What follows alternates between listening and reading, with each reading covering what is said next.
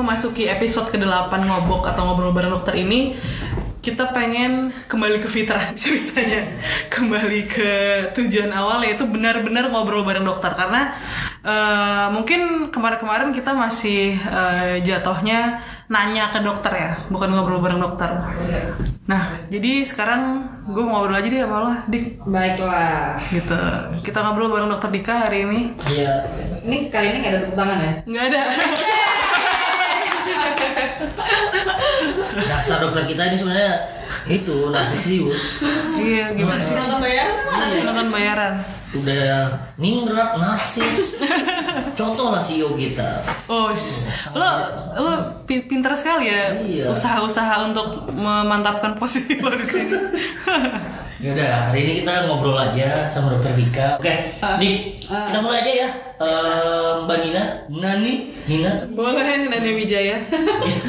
Ya Mbak Nina akan mengeluarkan undang-undang pertama dia masalah kesehatan. Iya, iya, curhat dong mah gitu. Silakan. Dimarahin dulu ya sebelum curhat ya. gitu. Saya Haji Nina. Jangan kamu sombong. Sombong. Es tebel ya. Sombong. Lu kasihan banget tuh. Udah lanjut nih. Iya, enggak. Jadi tuh concern gue akhir-akhir ini adalah gue tuh gue tuh sebenarnya cukup suka kopi. Tapi entah kenapa perut gue tuh lemah banget sama kopi. Padahal dulu biasa aja. Dulu tuh gue minum kopi tuh nggak ya nggak yang bahkan gue juga kopi tetap membuat gue ngantuk dan nggak membuat gue sakit perut dan lain-lain. Cuma sekarang akhir-akhir Gunanya sih kopi itu. makanya cuma enak aja di, di, di, diminum gitu. Tapi kenapa akhir-akhir ini gue kalau minum kopi tuh langsung sakit perut gitu? Kalau misalnya di The Sims tuh lo kalau main The Sims kalau itunya minum kopi kan bladernya langsung me- merah tuh. Nah gue kayak gitu deh kayaknya tuh bladernya langsung langsung bergejolak gitu kalau abis minum kopi tuh kenapa gitu maksudnya padahal dulu biasa aja nggak kenapa-napa Nah ini sebenarnya lu, lu minum juga lu merasakan hal yang sama gak? Saya sih dari yang cuma eh, itu tuh yang espresso yang susah tangga gitu biasa-biasa aja. Tapi yang pahit sih. Heeh, tapi gue bisa merasakan yang lebih pahit dari itu. Asik seperti. seperti kehidupan. Heeh, gitu. jadinya tuh gue tidak bisa mengikuti tren-tren kekopian yang ada gitu. Maksudnya karena kayak gue kalau minum itu gue mending di rumah karena kalau habis sakit perut jadi gue nggak repot. Kan toilet kita toiletnya canggih di sini nanti Terus canggih. sampai ada mesin cebok sendiri? Jadi kita nggak usah. Tapi keluar tangan ceboknya. Kayak bekas orang. Permisi. Kayak gimana nih? Ada suaranya lagi ya. Jadi kalau yang setahu gue ya, kalau si kopi ini memang nggak semua orang itu memang tahan dengan kopi. Contohnya gue dari dulu gue ketika gue minum nggak belum minum baru nyium bau-bauan ini lalu perut gue berespon. Lo vampir apa gimana? Ya beneran gue jadi cuma nyium baunya makanya dulu kalau gue ke Starnit itu eh, apa namanya gue nggak bisa masuk karena apa? Perut gue bergejolak nah itu tuh ada beberapa sebenarnya ada beberapa penyebabnya. Tapi bisa jadi karena perut lo lebih sensitif dan memang yang sekarang lebih sensitif mungkin eh, beranjak umur bagaimana ya? Iya kayaknya gitu deh. Kayak gitu deh. So, iya soalnya tuh nggak cuma kopi sih. Itu kalau gue tuh ini juga eh, pedes juga. Jadi gue tuh makan pedes itu kuat di mulut nggak kuat di perut juga ini, ya kayak sebuah tagline ya Bagus ya. Kuat di mulut nggak kuat di perut. Kayaknya kayaknya ya, aduh. Jadi kopinya itu sebenarnya bisa menyebabkan beberapa hal. Salah satunya adalah dia memang meningkatkan asam lambung. Jadi perutnya mungkin nggak melilit tapi agak nyeri sedikit gitu. Kalau karena gue gue sebagai penderita mas jati, eh, memang perut gue akan sakit kalau misalnya eh, minum si kopi karena kopi itu walaupun dia terasa pahit, tapi di tubuh tuh dia terbacanya kayak eh, asam ya. Karena itu kalau salah kan Iya. memang kopi Asam. Iya, nah asam lambungnya itu bisa meningkat atau naik karena itu. Kedua itu memang si kopi itu juga eh, meningkatkan ini loh aktivitas persyarafan di usus. Jadi si ususnya itu jadi kontraksi. Jadi biasanya kan kalau kita mau pupu tuh ya, itu kan eh, bahasa lo halus ya Apa tuh? Biasa ngomong sama anaknya soalnya. Iya, pupu kalau mau pupu itu eh, kan biasa dia tunggu penuh dulu baru nanti akan ada rangsangan. Nah, entah bagaimana si kopi ini dia itu ada nggak ada isinya, dia akan merangsang si usus untuk ayo bergerak gitu. Nah, itu dan itu reaksi itu lebih sensitif eh, pada satu orang dan tidak pada orang lain. gitu Berarti The Sims cukup saintifik ya? Dia mikir sampai ke situ ya. Dia mikir sampai ke situ kalau itunya diminumin kopi langsung merah blendernya. iya bisa jadi bisa jadi Tapi kalau ko- kekopian itu emang salah satu concern gue itu pertama sakit perut, kedua gula sih. Gula, gulanya kan juga manis banget gitu masih biasanya. Iya, Gula cendol lagi kan. Gula gula sih kan. Cendol. Gue dulu tadi pagi di radio juga sekarang eh, ka- kan banyak menjamur si siapa kopi-kopian ya. Sekarang itu bukan kopi. Kopi kopian. Enggak itu cabai-cabai. Kok pikir ya? Kopi ya itu dia lebih banyak gulanya sekarang jadi kayak air gula aroma kopi gitu katanya gitu karena sekarang banyak lebih banyak ke Semacam permen tapi encer ya. Jadi kayaknya sekarang banyak banyakan gula daripada kopinya. Yang dijual sekarang gulanya kan. Tapi Kopinya. sebenarnya kalau ngeliat tukangnya bikin ya barista. tukang lu tukang mereka Tukang kopi ya. Dia di situ dia di situ nembok apa gimana gitu. Barista tuh sebenarnya normalnya tuh segini kecil badan. Tapi emang segini tuh semana emang kan kagak Kan nggak kelihatan. coba kalian Kagak ada gambar ya. kalau kopi kenang kenang-kenangan gitu kan. Tuh cuman bagian bawah doang gulanya tapi rasanya manisnya tuh seperti melihat bidadari jatuh nah, tapi masih selamat gitu. Lo jakat tingkir apa gimana? Jakarta tinggal naik ojek tapi emang kan kopinya itu cuman se shot espresso jadi kayak emang gak rasa kopi gitu. Jadi kalau kalian mau ngerasain kopi ya. Terus itu double shot. Iya double shot harganya No 20 sugar, harganya dua puluh ribu yang itu Baru puluh ribu ya. iya eh, ini single shot delapan ribu gitu Cuma empat ribu murah ya. kalau yang lu beli nih Rip yang yang Starbucks keliling ini itu Starling Ini nggak keliling ada, Ini kopinya kayaknya ada. Yang Ini nggak ada kopinya. Iya, frappuccino tuh di blender lah. Nah, tapi Biar beneran kan aku nggak percaya gue beli Starbucks. tapi emang manis sih jadi kayak yogurt yogurt cimori yang katanya Nina eh kata siapa? Bang Budi atau Nina yang itu cuma cuma gula gitu. Bukan yogurt gitu.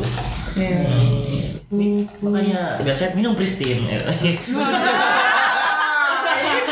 Iklan punya merek ya. Iya, concern gue juga berhubungan dengan gula. Kan tadi ngomongin gula-gula kan, minuman-minuman. Nah, gue tuh suka takut gitu minum gula yang manis-manis atau makan yang manis-manis. Soalnya kakek gue tuh keturunan kayak ada diabetes gitu loh. Jadi kalau mau makan gula, takut keinget diabetesnya gitu. Nah, pas gue cek tapi uh, gula gue tuh rendah. Gue gue tuh sebenarnya mesti ngapain gitu kan? Mesti apa? Bingung ya, bimbang Iya, ya? bingung, bingung. Oke. Bimbang. Itu eh, terus kakek lo masih ada? Enggak, udah enggak. Oh iya. Betul. Karena diabetes, karena diabetes nggak? kita Iya, Karena diabetes. semenit dulu mengingat mengingat kita dulu Ya sebenarnya kalau diabetes yang dibilang keturunan itu memang ada bagiannya begitu karena eh, entah bagaimana di salah satu kan itu yang berfungsi apa eh, banyak tuh kan si pankreasnya ya. Nah sel-sel pankreasnya itu mungkin juga ada masalah di situ. Jadinya memang dia bisa menurun. Tapi memang eh, yang banyak menurun itu tuh kan diabetes tuh ada dua tuh ya. Diabetes diabetes tipe 1 sama diabetes tipe 2 nah yang eh, kalau tipe 1 itu sih yang dari kecil sih biasanya. Nah eh, kontroversi juga nih sekarang orang nyala-nyalain apa-apa eh, soalnya Apa? eh, genetik maksudnya Oh, iya, apa-apa iya. ini gue gara-gara keturunan tapi lo sendiri tidak menjaga apa namanya Apa yang lo Pola- konsumsi. eh, eh, apa yang lo konsumsi nah jadi itu memang bisa menurun dan eh, memang kita perlu dan wajib untuk melihat konsumsi kita sehari-hari itu kayak gimana lo rendahnya berapa memang Eh, 85 ya nggak salah. Iya. Enggak, enggak masalah itu di bawah 70. Oh, di bawah Biasa, 70. eh, kalau di 70 itu akan hipoglikemi. Itu udah pusing-pusing gitu pusing ya. gitu, pusing, kan? cranky, terus Serta eh, mabuk saya sih. ma- Udah high. saya sih retan. Nah, kalau misalnya di bawah 70 itu baru ada concern. Tapi tapi sebenarnya kalau hipoglikemi itu eh, dia biasanya akan cepat teratasi karena orang lebih berasa. Sedangkan kalau misalnya orang yang apa nih eh, gula darahnya tinggi itu dia tuh naiknya pelan-pelan, naiknya pelan-pelan, naiknya pelan-pelan gitu. Tapi nggak apa-apa juga kalau misalnya lo menjaga mulai dari eh, muda gitu. Ya, muda. Dari muda. Berarti lu udah gak muda. Kalau Cecil kan apa masih? Eh gimana ya? Kayaknya saya masih masih manggil gue tante. deh. Tapi lu menyalahkan kakek lu nggak atas kejadian ini gitu? Enggak Iya. lah. Gara-gara kakek gue diabetes nih.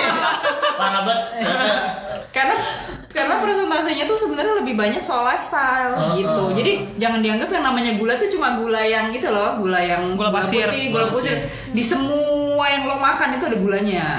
Iya. Bahkan gorengan. Termasuk nasi juga. eh, nasi apa lagi ya? Iya, Nasi banyak. banyak. Nasi apa lagi ya? Masuk es teh tawar. Termasuk garam enggak ya? Kalau garam enggak. Dia kan asin dulunya. Masuk ngeliatin yang cakep-cakep. Nah, Oke, manis tuh. Heeh, manis. Loh, gue Ini dia mau ngapain sih? Ini sebenarnya mau Gi, Gi inget Gi. Iya, tahu nih bukannya mau kawin loh. Lu bukan mau kawin Gi, inget. Ya, semuanya semua orang mau kawin.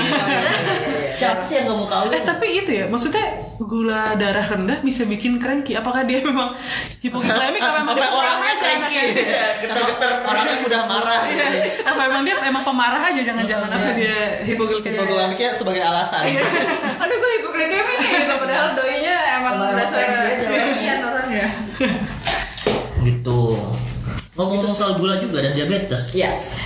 Perut buncit itu termasuk salah satu tanda-tanda gitu gak sih? Gue takut sebenarnya perut gue buncit. Walaupun sekarang udah terlihat-lihat tanda-tanda perbuncitan. Agak keom-oman dikit. Iya.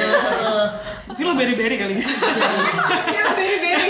Tahun kapan kita itu Iya. cuma satu-satunya. Eh, gue Itu sepanjang masih iklan dunia dalam berita gitu. Iklannya tuh waspada beri-beri tuh. itu gue tapi gue sepanjang gue kuliah dokter gue nggak pernah lihat orang beri-beri. Iya. Mungkin di daerah-daerah. Mungkin yang ngumpet kali ya, ada Dika. itu kayaknya kayak yang gloyor-gloyor gitu kayaknya gue nggak pernah lihat. Ya, apa terakhir? Buncit, Itu buncit. buncit. ya. Apa yang anda khawatirkan, Tapi Bapak? dengan badan kayak gue sih nggak apa-apa buncit tapi takutnya kayak badan kayak Arif bukannya Arif yang ini ya kurus kayak Arif si kumbang itu Harus dikumpang kan temen lu satu tim. tim temen lu Kenapa kumbang cuy? Gue takutnya ketika badan gue kayak kurus dia tapi buncit tuh memalukan sekali Anaknya Kurus Umi. tapi buncit. Nah, Nah itu beri-beri guys, kurus tapi buncit. Iya sih? Pertanyaannya Sogi tadi kan apakah diabetes itu eh apakah buncit itu bisa jadi salah satu tanda diabetes gitu? iya eh, Bisa ya, bisa tidak. Ci. Jawabannya diplomatis banget Diplomatis. ya. Kayak Yes. politisi. Eh, kayak Pak Gizon lu Wah, lu mah sebut-sebut. Jadi kalau soal kulit eh, si perut buncit itu sebenarnya kan kayak gini loh, si apa? Kayak gini loh, Kayak gini. kayak gini loh. Kayak gini macam ini. Jadi si apa namanya eh, itu adalah abdominal fat. Jadi abdominal fat itu akan em, normal pada pria dan pada wanita itu berbeda lingkarnya. Terus kok gue lupa ya?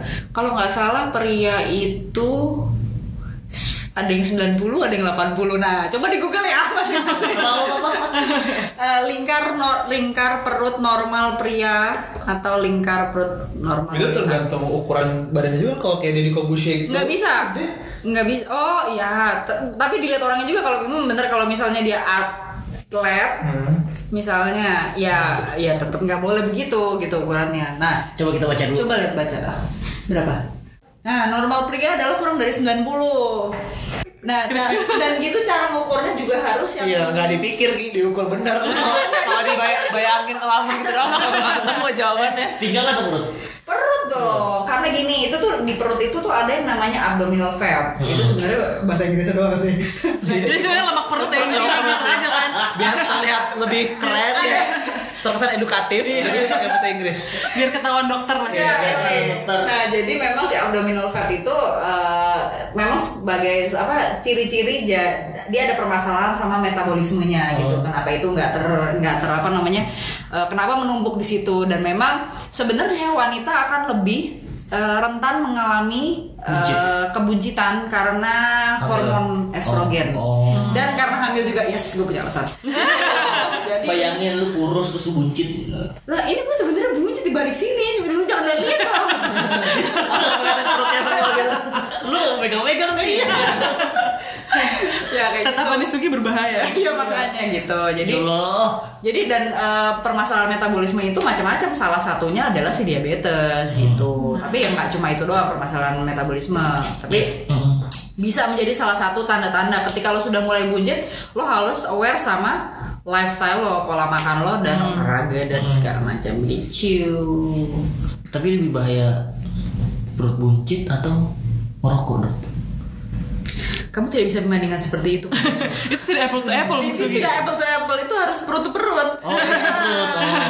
Ya udah deh. Karena tapi ada yang ini nggak ini ada penelitian tapi dia nggak nggak bisa di langsung oh artinya ini berhubungan dengan ini nggak? Tapi ketika orang buncit dan rokok tuh ada yang bilang eh, ada sedikit korelasinya tapi belum terbukti secara apa Secara namanya?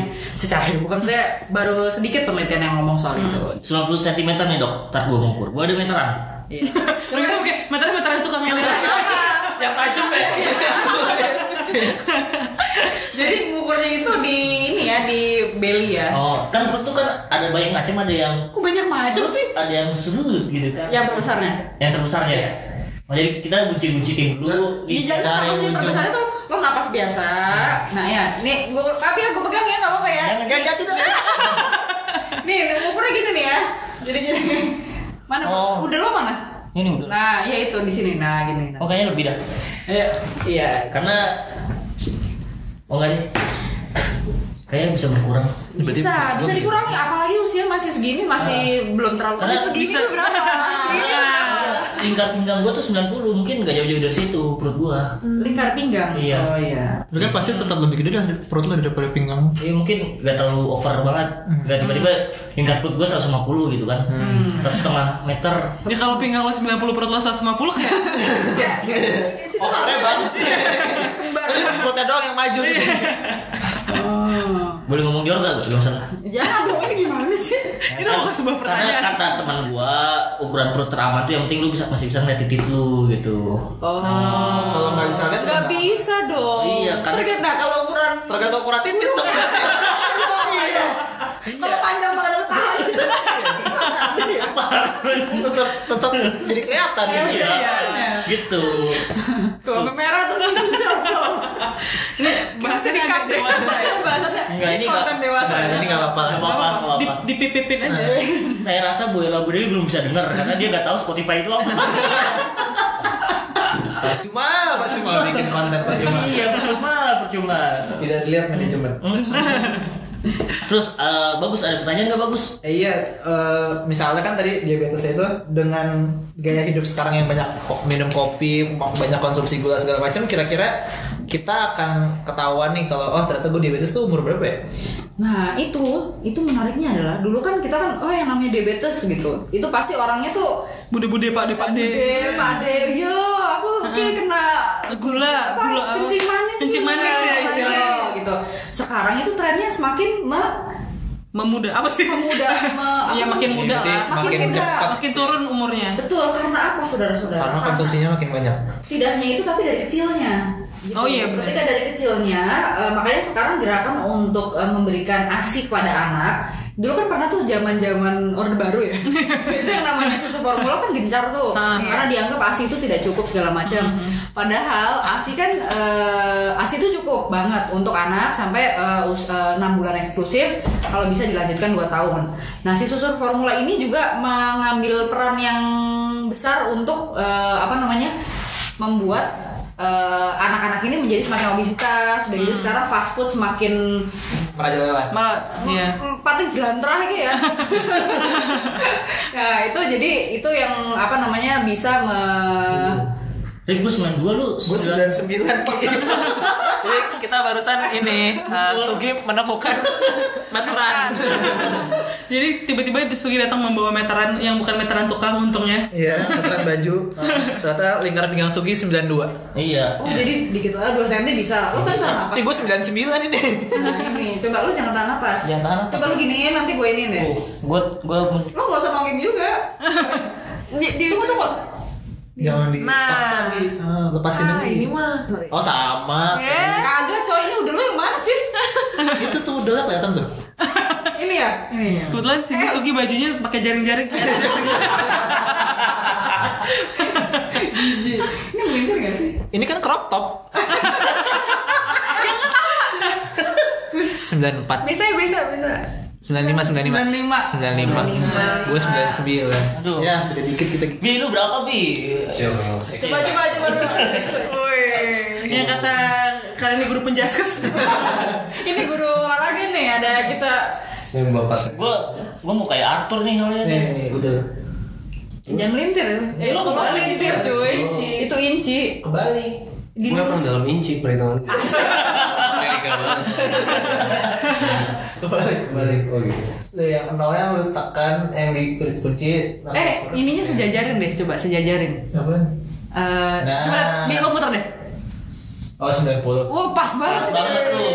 Bentar lagi lu bucin Ya, nih. ya, Iya. Guru penjaskes nih emang. Pas lah Tapi penjaskes. Bentar lagi anaknya lahir. udah selesai hidup. Cepet 20 langsung. Tapi kita harus meng- mengalahkan lingkar perutnya Arthur. Kita panggil apa Arthur nih? kita aja. Kita aja. Coba aja. Ya Allah. Tadi lagi ngomongin apa, coy? Tadi ngomongin iya itu diabetes dan Oh, usia muda. Usia, usia. Iya, jadi apa tadi ngomong? Ya, maksudnya itu ternyata itu bisa Susu jadi- formula. Iya, itu bisa jadi karena susu formula yang diberikan berlebihan juga. Maksudnya gue nggak bilang itu sal- salahnya total enggak. Kalau bisa diberikan ASI, itu akan sangat lebih baik dan sangat dianjurkan sekali. Tapi eh, setelah itu perlu diukur tuh anak tuh sehari tuh nggak boleh nih setiap misalnya, wah nangis dot, susu susu susu kan ke orang eh, bayi itu atau anak nggak nangis tuh nggak belum tentu dia lapar kan. Nah. tapi sekarang biar gampang gitu gitu. Dan ada anggapan bahwa anak yang eh, sehat dan lucu adalah anak yang gemuk Gendut. gitu Ah. kan gitu. Padahal padahal eh, nggak seperti itu gitu. Jadi itu akan apa namanya ya. semakin me- meningkatkan resiko seseorang untuk nantinya terkena diabetes. diabetes lebih mudah lagi gitu. Sama jajanan juga sih ya jajanan anak-anak SD oh iya betul. Yang gitu-gitu kan sekarang kayak jajannya apa ya? Cireng. cireng Enggak dong, dulu belum ada cireng. Gulali, gulali udah deh musik Gulali ya? Gula yang abangnya bikinnya pakai tangan. Ada itu burger yang dipotong-potong Dipotong pakai Iya, gunting. ya kalau lo belinya cuma Beli cuma tiga tiga ribu. Ya, gue pernah beli cuma dikasih seperempat lagi. lo kasih Kayaknya dua ribu deh kalau jadi ini itu cuma roti sama saus doang sama ini gua apa iya. lettuce. Sama lettuce. Nah makin di sini kan kita jajanan tuh makin variatif tapi Ah. kevariatifan itu berakibat pada gulanya juga makin banyak. puas ngobrolnya tadi Ci udah puas anak-anak ngobrolnya Saya terpuas. cerita ceritanya gurunya baru masuk Oh, pelayanan pelayanan dari dokter Dika Guru-guru yang judes gitu ya. Udah puas ngobrolnya.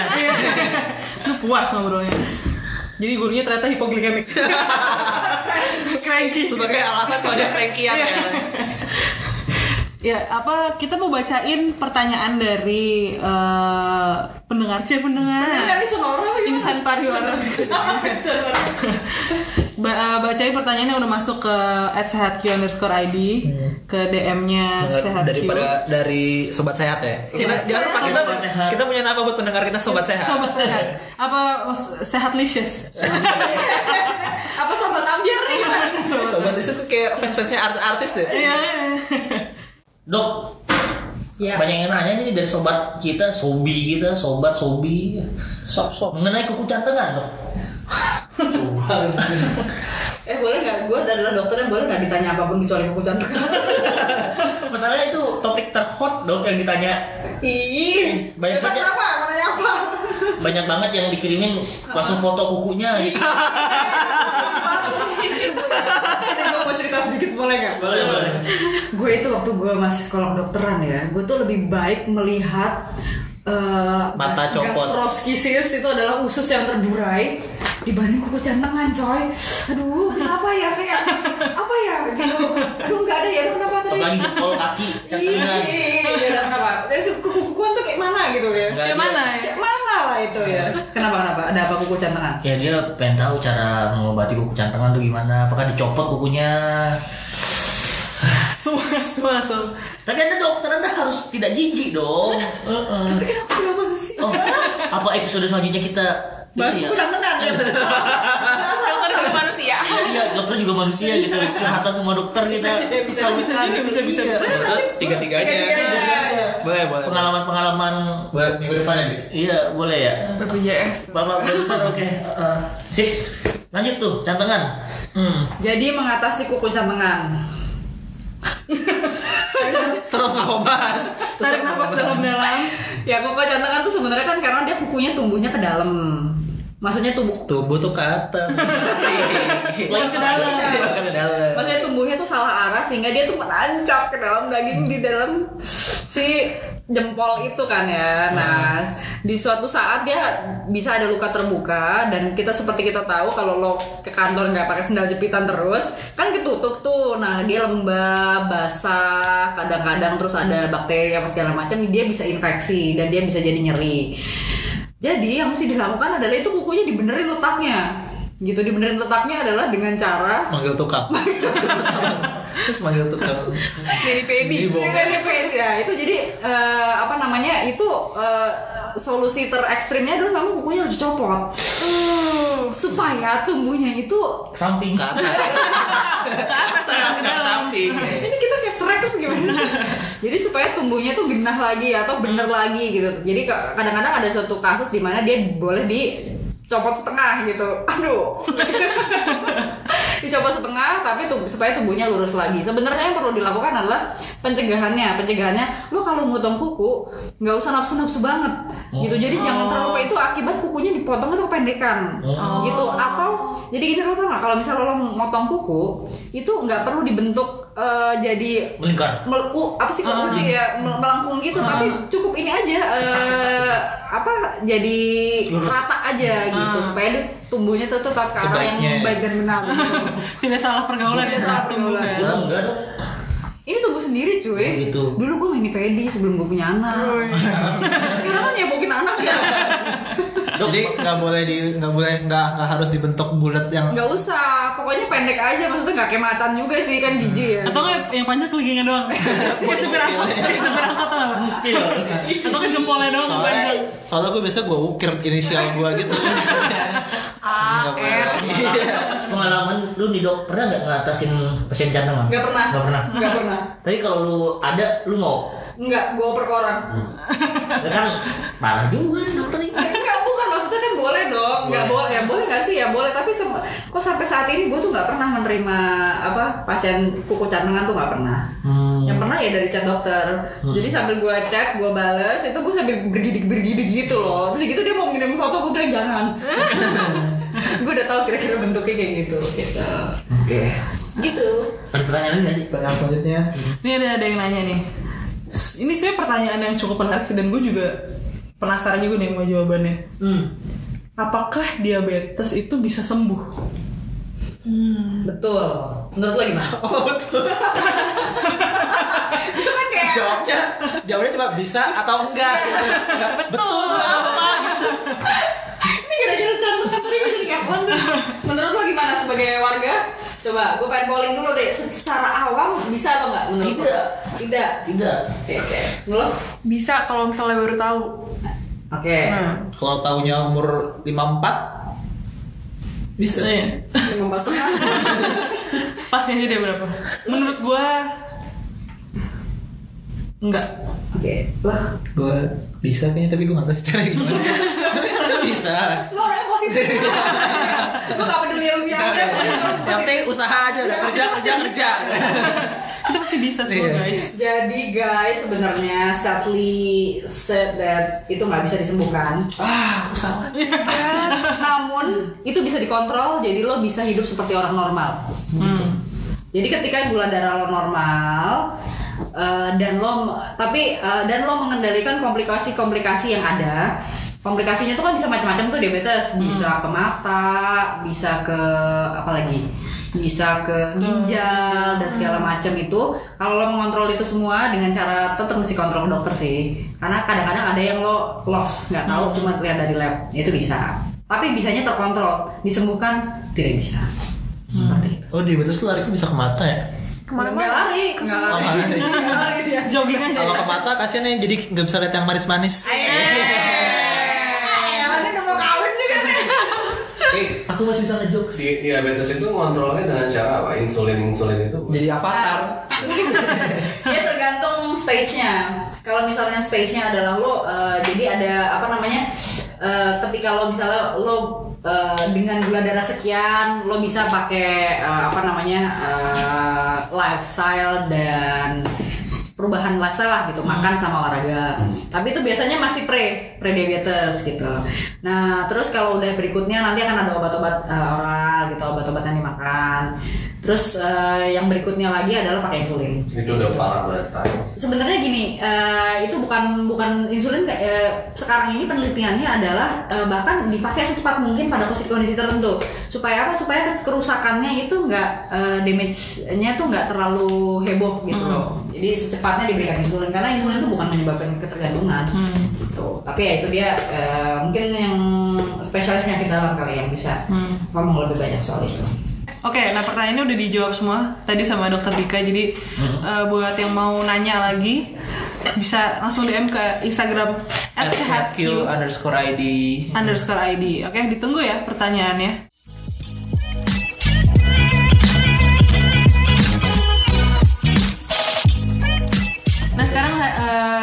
Akan ini lagi nih membantah satu hoax lagi yang eh, beredar di seperti biasa di grup WhatsApp keluarga. WhatsApp keluarganya Nina. Keluarga Nina penyebar berita hoax. Iya nih, jadi ada hoax yang eh, cukup menarik kemarin tiba-tiba dikirimkan oleh seorang ya sepupu gue gitu dikirimin eh, dan eh, biar hari ini dijawab ya sama sama dokter Dika. Coba sih baca Ya. Oke, ini katanya info penting. Nah, katanya gimana menghadapi serangan jantung seorang diri. Belajar dari kasus Ireng Maulana, katanya serangan jantung atau angin duduk bisa diatasi dengan cara menggaruk-garuk di jari kelingking dengan ibu jari. Gimana tuh, tante? Jadi adek. Jadi eh, kita ini dulu ya ngomongin soal angin duduk. Angin duduk tuh sebenarnya ada nggak sih? Angin duduk itu loh kalau nggak salah ini ya, kalau gua nggak salah awam ya, itu adalah bahasa awamnya angina pectoris. Angina pectoris itu adalah eh, nyeri dada karena serangan jantung kayak gitu. Nah jadi eh, yang ingin dibahas kan apakah dengan memencet apa tadi mencet-mencet ya? Kelingking dengan ibu jari. Itu gatel mungkin ya kali. Menggaruk-garuk atau apa namanya tadi? Eh, Itu lagi lagi zikir kali itu. itu jadi akan menyelamatkan gitu ya. Nah, jadi ketika seorang diri memang nyeremin banget kalau misalnya lo tiba-tiba ngerasain sakit jantung gitu. Cuma kemarin aku juga nyari-nyari nih karena kan ini sempat beredar juga kalau eh, gimana cara eh, menyelamatkan diri ketika lo em, kira-kira mengalami serangan jantung. Cuma nggak ada tuh yang pencet-pencet begini tuh nggak ada.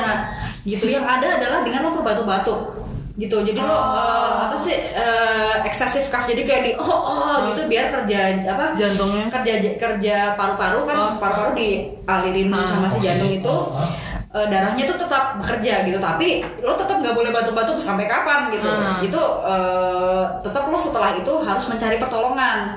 Jadi sebenarnya konsepnya adalah yang harus kita tahu adalah bukan eh, bagaimana mengatasi eh, si siapa?